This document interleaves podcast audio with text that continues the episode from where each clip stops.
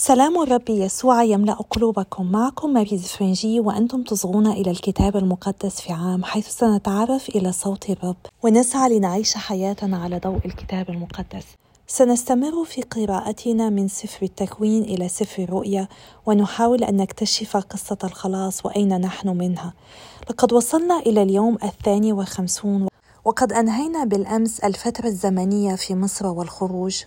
وقد رأينا أن فترة مصر والنزوح كانت فترة تغيير هائل بعد أن غادر شعب إسرائيل مصر التي كانت وطنهم لمدة أربعمائة سنة. قادهم الله إلى صحراء سيناء هذه الرحلة التي دامت ثلاثة أشهر. وهناك دعاهم إلى أن يكونوا قديسين لأنه هو قدوس. يمكننا القول أن خلال هذه الرحلة شعب إسرائيل قد خضع لعملية تحول روحي حيث وضع الله خطة لجذب انتباه شعبه إليه. هناك أصلح الله شعبه الذي فقد هويته في مصر. ما يأكلونه ما يرتدونه من الآن فصاعدا سيتغير. كذلك الطريقة التي يتعامل بها مع بعضهم البعض ومع الأمم الأخرى ستتغير وتكون وفقا لقانون الله. للأسف لقد رأينا أن عبادة الأصنام استمرت بأن تكون مشكلة ولكن ببطء تغير قلب شعب إسرائيل وارتدوا إلى الله أكثر. وقد رأينا في جبل سيناء أن الله أعطى موسى وصاياه العشر وأسس نظام ذبيحة تتمحور حول خيمة الموعد مع اللاويين ككهنة له. وقد رأينا أن الشعب لم يقم بهذه الرحلة لوحده بل كان الله يرافقهم ليلا بالنار ونهارا بسحابه اليوم ستبدأ فترة التجوال في الصحراء بينما لا يزال شعب إسرائيل يخيم في جبال سيناء. هناك سيقضون عاما قبل أن يتوجهوا شمالا إلى أرض الميعاد. في قادش برنيع سيرسلون جواسيس واحدا من كل سبط إلى أرض كنعان لكي يعرفوا إذا كان بإمكانهم أن يغزوا الكنعانيين. ثم صوت عشرة ضد اثنين بأنه لا يجب عليهم أن يحاولوا أن يغزوا هذه الأرض. إن الله حذرهم أنهم إذا لم يثقوا به عليهم أن يتعايشوا مع العواقب. وكان القصاص كل يوم تجسسوا فيه الأرض تجولوا في البرية لمدة سنة. مرة أخرى سنرى كيف سيتعلم شعب إسرائيل بالطريقة الصعبة. الشخصية الرئيسية التي سنراها في هذه الفترة هي موسى ويلعب هارون شقيق موسى دورا مهما أيضا. وكل من مريم أخت موسى واللاويون سيلعبون أدوارا مهمة في هذه الفترة. ما هي التغييرات التي ستحصل في هذه الفترة؟ إن الرقم أربعين هو رقم مهم جدا في الكتاب المقدس لأنه يمثل التجارب والصعوبات والاختبارات. لقد أمطرت السماء لمدة أربعين يوما بعد أن بنى نوح الفلك. كان موسى على جبل سيناء لمدة أربعين يوما والآن سيختبر شعب إسرائيل تجربتهم لمدة أربعين سنة في البرية. التغيير الأهم يحدث في الحياة اليومية.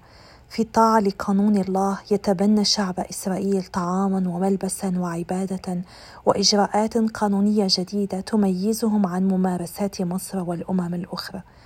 إن طرق العيش الجديدة هذه هي التي حررتهم من العبودية. إن هذه المقدمة التي شاركتكم فيها الآن هي من ال Bible in a Year Companion الكتاب المرافق لل Bible Year مع Father مايكل شميت. كتاب العدد يبدأ بسلسلة أرقام ومن هنا جاء اسمه عدد. في اللغة العربية وفي اللغة الإنجليزية بينما في اللغة العبرية اسمه هو إلى البرية آه، وهذا الاسم مشوق أكثر لأنه يجعلنا نعي أننا سنسير مسيرة مع الشعب في البرية. ويبدأ بالأرقام لأنه هناك إحصاء لشعب إسرائيل ولأسباط إسرائيل الاثني عشر. قد تبدو هذه الأرقام آه، غير مشجعة لبعض الناس أو مملة ولكن علينا أن نفهم شيئا مهما جدا جدا منها. إن أحصاء الشعب الذي يتم في بداية كتاب العدد وفي نهايته يدلنا على أن الله يعرف شعبه. الله يعرف كل واحد منا. وسنبدأ أيضا بسفر التثنية أو تثنية الاشتراع ما معناه إعادة الشريعة وتكرارها مرة ثانية. فلنفهم أكثر ما ينتظرنا إن شعب إسرائيل في البرية في الصحراء في جبل سيناء سيبقى هناك لمدة سنة. وهناك رأينا حين كان موسى على جبل سيناء يتلقى من الله الوصايا على لوحين من الحجر. أخطأ الشعب وصنع العجل الذهبي وبدأوا يعبدونه. وعندما نزل موسى وغضب عليهم أظهر اللاويون غيرة وقتلوا كل من أراد أن يعبد العجل. ومن هنا أصبح على الكهنة أن يكونوا من سبط لاوي فقط.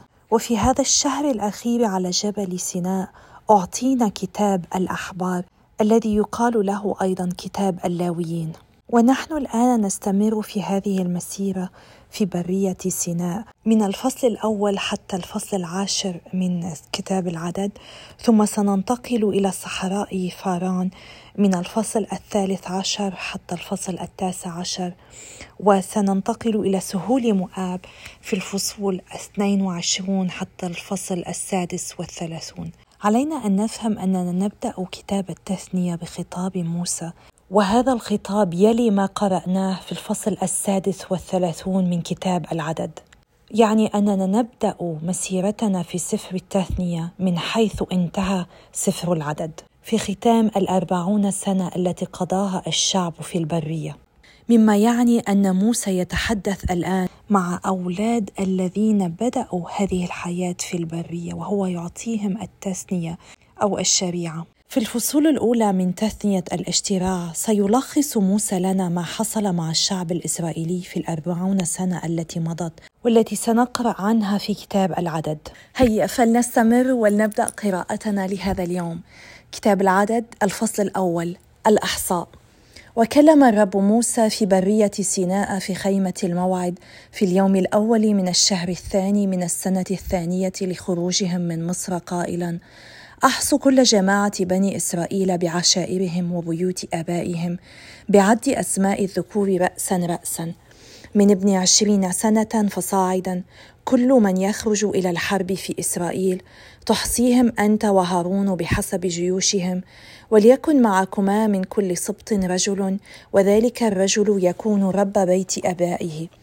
المشرفون على الأحصاء وهذه أسماء الرجال الذين يقفون معكما من رأوبين أليصور بن شديؤور ومن شمعون شلوميئيل بن سوري شدية ومن يهوذا نحشون بن عميدادب ومن يساكر نثنائيل بن صوعر ومن زبولون ألياب بن حليون ومن بني يوسف من أفرائيم أليشماع بن هميعد ومن منسى جملائيل بن فدهصور ومن بنيامين أبيدان بن جدعوني ومن دان أحي عازر عميد شادعي ومن أشير فجعئيل بنو عكران ومن جاد اليساف بنو دعوئيل ومن نفتالي أحيروع بنو عينان. أولئك أعيان الجماعة وزعماء أصباط آبائهم ورؤساء الألوف إسرائيل. فأخذ موسى وهارون هؤلاء الرجال الذين عينوا بأسمائهم وجمعا الجماعة كلها في اليوم الأول من الشهر الثاني فانتسبوا إلى عشائرهم وبيوت آبائهم بعد الأسماء. من ابن عشرين سنة فصاعدا رأسا رأسا فأحصاهم موسى في برية سيناء كما أمره الرب. الإحصاء فأحصي بنو رأوبين بكر إسرائيل بحسب سلالتهم وعشائرهم وبيوت آبائهم وبعد أسماء الذكور رأسا رأسا. من ابن عشرين سنة فصاعدا. كل من يخرج إلى الحرب فكان عددهم في سبط رأوبين ستة وأربعين ألفا وخمسمائة. وأحصي بنو شمعون بحسب سلالتهم وعشائرهم وبيوت آبائهم وبعد أسماء الذكور رأسا رأسا. من ابن عشرين سنة فصاعدا كل من يخرج إلى الحرب فكان عددهم في سبط شمعون تسعة وخمسين ألفا وثلاثمائة. وأحصي بنو جاد بحسب سلالتهم وعشائرهم وبيوت آبائهم وبعد أسمائهم من ابن عشرين سنة فصاعدا كل من يخرج إلى الحرب.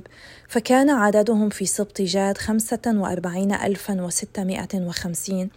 وأحصي بنو يهوذا بحسب سلالتهم وعشائرهم وبيوت آبائهم وبعد أسمائهم من ابن عشرين سنة فصاعدا كل من يخرج إلى الحرب.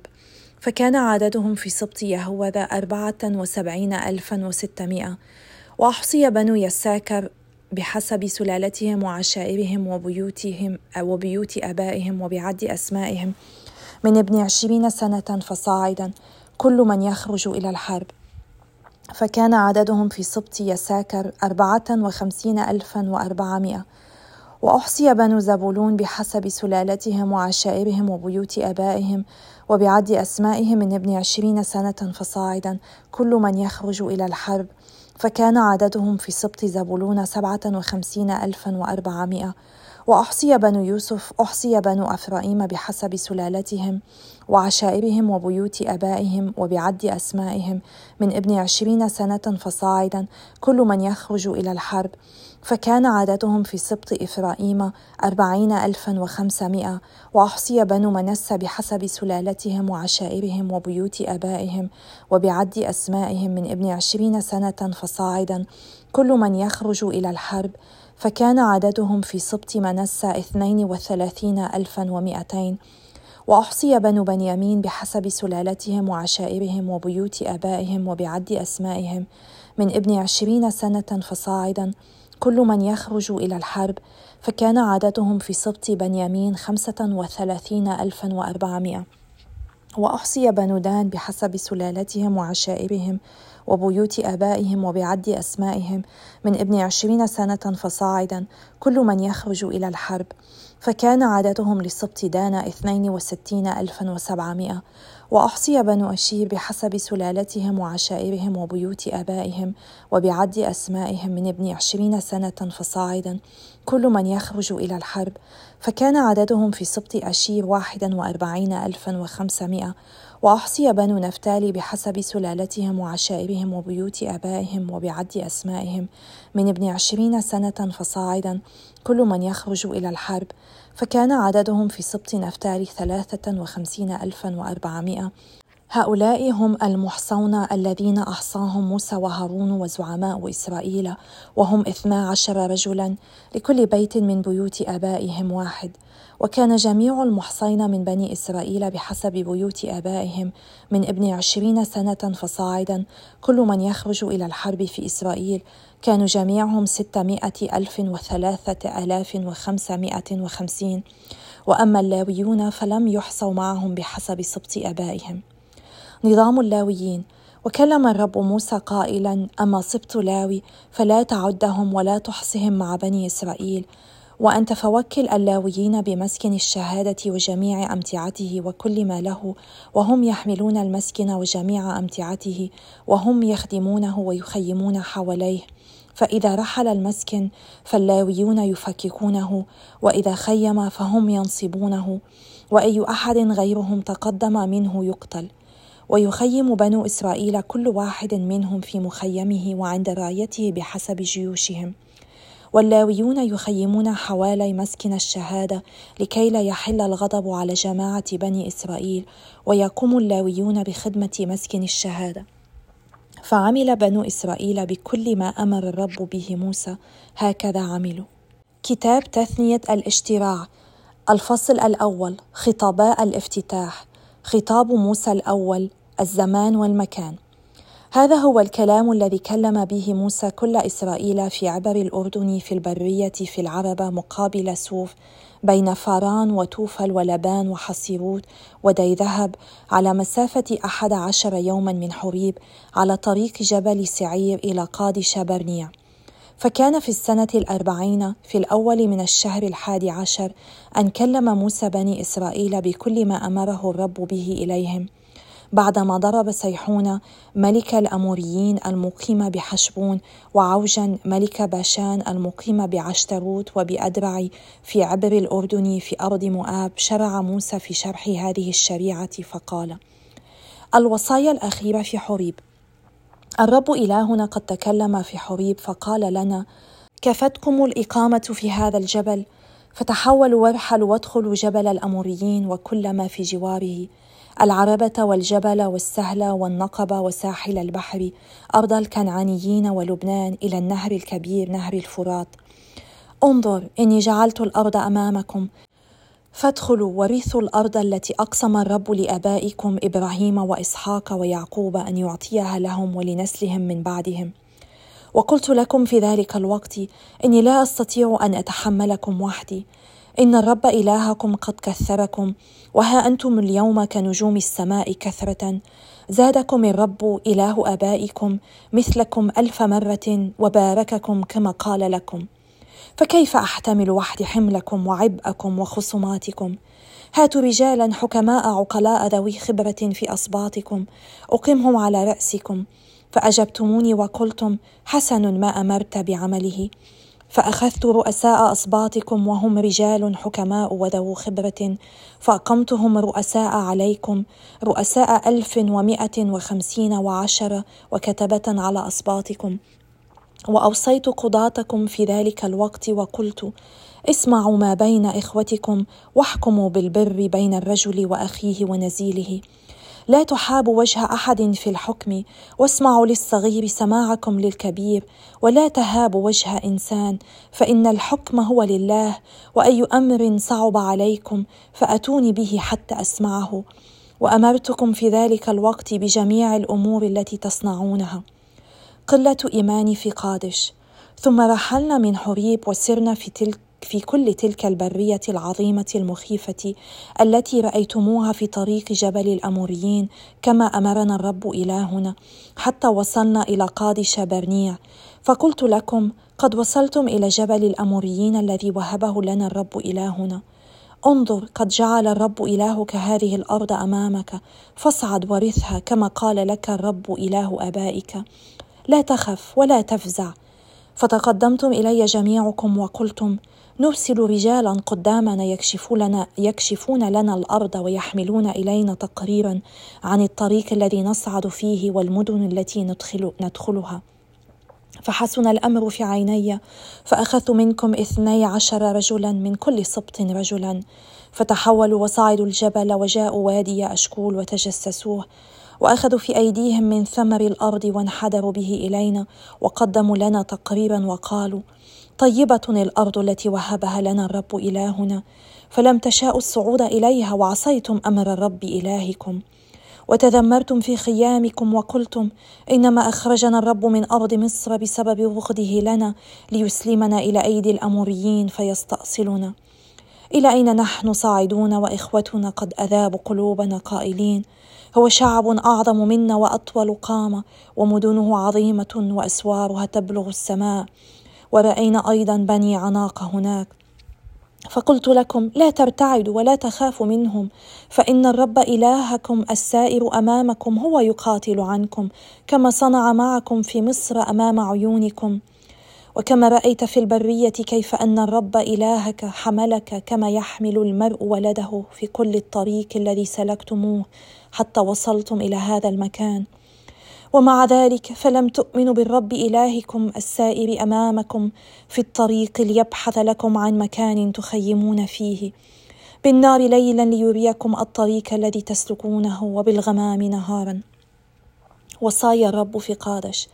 فسمع الرب صوت كلامكم فغضب وأقسم قائلا لن يرى أحد من هؤلاء الناس من هذا الجيل الشرير الأرض الطيبة التي أقسمت أن أعطيها لآبائكم سوى كالب ابن يفن فإنه يراها وله أعطي الأرض التي وطئها ولبنيه لأنه اتبع الرب اتباعا تاما. وعلي أيضا غضب الرب بسببكم فقال وأنت أيضا لن تدخلها بل يشوع بن نون القائم أمامك هو يدخلها فشدده فإنه هو يورث إسرائيل إياها. وأطفالكم الذين قلتم إنهم يكونون غنيمة وبنوكم الذين لا يعرفون اليوم الخير ولا الشر هم يدخلونها ولهم أعطيها فيرثونها. وأما أنتم فتحولوا وارحلوا في البرية على طريق بحر القصب. فأجبتموني وقلتم قد خطئنا إلى الرب فنحن نصعد ونقاتل على حسب كل ما أمرنا به الرب إلهنا. وتقلد كل واحد أداة حربه واستسهلتم صعود الجبل. فقال لي الرب قل لهم لا تصعدوا ولا تقاتلوا فإني لست في وسطكم لئلا تنهزموا أمام أعدائكم.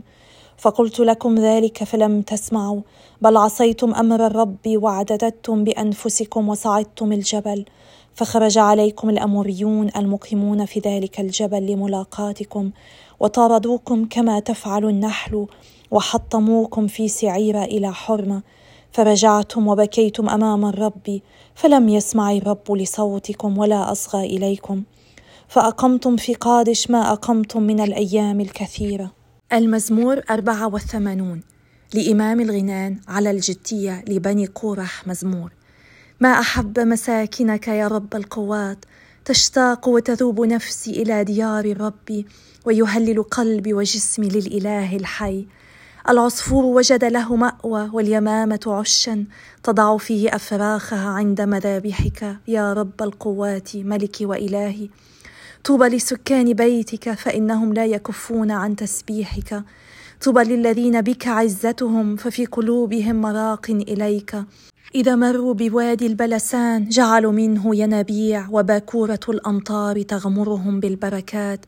من ذروة إلى ذروة يسيرون حتى يتجلى الله لهم في صهيون. أيها الرب إله القوات استمع صلاتي وأصغي يا إله يعقوب. اللهم يا ترسنا انظر وإلى وجه مسيحك تطلع. إن يوما في ديارك خير من ألف كما أشاء. والوقوف في عتبة بيت إلهي خير من السكنى في خيام الأشرار. الرب الإله سور وترس يهب النعمة والمجد لا يمنع الخير عن السائرين في الكمال. طوبى للإنسان المتكل عليك يا رب القوات. نسبحك نمجدك نشكرك يا الله من أجل كلمتك. نطلب منك يا رب أن تعلمنا مثل موسى أن نصغي لتعليماتك أن نتلقى تعليماتك ونفعل بما تطلبه منا. ونطلب منك أن تعطينا قيادة جيده في الكنيسة والمجتمع كما أعطيت رؤساء لأسباطهم وشيوخا لعشائرهم. أنت يا رب أردت أن يقوم الشعب بعملية التعداد الأحصاء المتعبة ليعرفوا أهمية عملهم. أردتهم أن يروا الصورة الأكبر. نحن مرات عديدة يا رب تبدو أعمالنا اليومية مملة وكئيبة. اجعلنا نتذكر الهدف وأهمية عملنا. أنفخ فينا قوة جديدة للقيام بعمل صعب آخر. وأعطنا يا رب أن نقيم دائما مصادرنا. ممتلكاتنا علاقاتنا حالاتنا الروحية استخدامنا للوقت أهدافنا حتى نقدر أن نخدمك بفعالية أكبر. بسم الآب والابن والروح القدس إله واحد آمين. كما لاحظتم أرقام كثيرة تكررت في الفصل الأول من سفر العدد. لقد شعرت بأنني أريد أن أتوقف عن قراءة تكرار بعض الجمل مرارا مع كل سبط لعلك قد تتساءل لماذا سمح الله بهكذا عملية إحصاء؟ إن الله يعرف كل شيء وهو يعرف بالضبط كم شخصا موجودا وكم شخصا قادرا أن يخوض الحرب. ولكن الله يريد أن يذكرهم بأهمية عملهم كما يريد أن يذكرهم ويذكرنا أن لا أحد منا يضيع في الجمع في الحشد. إن كل واحد منا له قيمته عند الرب. إذا كان عدد الرجال ستمائة ألف وثلاثة ألاف وخمسمائة وخمسين دون سبط اللاوي فلا بد أن عدد بني إسرائيل كان يزيد عن المليونين. بقدر مليوني شخص كانوا يسافرون مع موسى في هذه المرحلة. وكما لاحظتم اللاويون لم يحصوا بينهم لأن اللاويون كانوا مسؤولون عن نقل المسكن وأمتعته والاعتناء بها والإقامة حوله. نعم لقد تم وضع خيمة الموعد في وسط المحلة في وسط المكان الذي كانوا يقيمون فيه وكان يعيش اللاويون بالقرب منه. يمكننا أن نفهم أن حضور الله كان في قلب شعبه. يجب أن نجعل الله هو ركيزه كل شيء نفعله في حياتنا. يجب أن يكون في وسط في قلب كل شيء. فلنتذكر دائما أنه في قلب كل شيء حضور الله. كما كان في القدس الأقداس كما كان في تابوت العهد. وكما كان هناك سحابة أو غمامة في النهار ونار في الليل. هناك في قدس الأقداس شمعة تحترق دائما مثل الشمعة في كنائسنا بجانب البيت القربان. هذه الشمعة التي تدل على وجود يسوع في القربان الأقدس. إن هذه الشمعة المضاءة تذكرنا بحضور الله بيننا. سنقرأ في الفصول الأولى من كتاب العدد أكثر عن حضور الله. الفصل الأول الذي قرأناه من سفر التثنية كما قلت يأتي بعد سفر العدد. يأتي بعد أربعين سنة. وفي سفر التثنية يلخص موسى أحداث العدد. لقد أخرج الله بني إسرائيل من مصر وسار بهم في القفر العظيم وها هم الآن يقفون على أهبة الاستعداد للدخول إلى أرض الموعد. ولكن قبل أن يدخلوا إلى الأرض كان على موسى أن يعطيهم بعض النصائح الهامة. لقد صرف بنو إسرائيل أربعين سنة في رحلة كان يجب أن لا تستغرق إلا أحد عشر يوما فلم تكن المسافة هي التي حالت بينهم وبين الأرض بل حالة قلوبهم. فإن هدف الله كان أعمق من مجرد نقل مجموعة ضخمة من الشعب إلى أرض كنعان. هو كان يعدهم لأن يعيشوا في طاعته عندما يصلون إليها. ما الفائدة من أرض الميعاد إذا ظل بنو إسرائيل أشرارا كالأمم الذين يعيشون هناك فعلا؟ لقد كانت الرحلة مؤلمة ولكنها كانت فصلا ضروريا لإعدادهم. فمن خلالها عرف الله بني إسرائيل من هو. إنه الإله الحي قائدهم كما علمهم حقيقتهم وأنهم منكسرون يسقطون غالبا في الخطيئة ميلون للعصيان والشك. وأعطى الشعب المتمرد الشريعة لتساعدهم على إدراك كيف يتغيرون ويكونون على علاقة جيدة مع الله. قد تشعر أن رحلتك الروحيه طويلة وقد تكون حياتك مملوءة بالألم والأحباط والصعاب. عليك أن تتذكر أن الله لا يحاول أن يحفظك حيا فحسب. بل يريد أن يعدك لكي تحيا في خدمته مكرسا حياتك له حتى يكون لك نصيبا معه في الأبدية. لقد سمعنا موسى اليوم يذكر بني إسرائيل بالشريعة لأن أهلهم لم يكونوا مخلصين لها. إن الله يعطينا الشريعة كرحمة علامة لمحبته لأنه يعرف أن قلوب الناس متقلبة وغالبا ما تكون غير مخلصة. عندما يعطينا الله شريعته ونفشل يريدنا أن ندرك أننا قد فشلنا ونحتاج إلى التوبة والعودة إليه. لهذا كان موسى يذكر الشعب بما فعله آباءهم. إني أدعوكم في ختام اليوم للتأمل بالصفات الداخلية التي حددها موسى للقادة الصالحين العدل، عدم المحاباة، قوة الشخصية، القدرة على إدراك محدودياتهم. هل تعي أنه لديك دور قيادة عليك أن تقوم به وعليك أن تنمو في هذه الصفات سواء كان دورك كبيرا أو صغيرا؟ نحن جميعنا مدعوون لأن نقود غيرنا إلى المسيح وأن نكون قدوة للآخرين وأن نجعل نور الرب يشع من خلالنا. فلنصلي من أجل قادتنا الروحيين والمدنيين ليتمتعوا بهذه المواصفات ولنستمر بالصلاة من أجل بعضنا البعض لكي نكون قادة صالحين ولكي ننمو بالقداسة. وإلى اللقاء غدا يوم آخر إن شاء الله.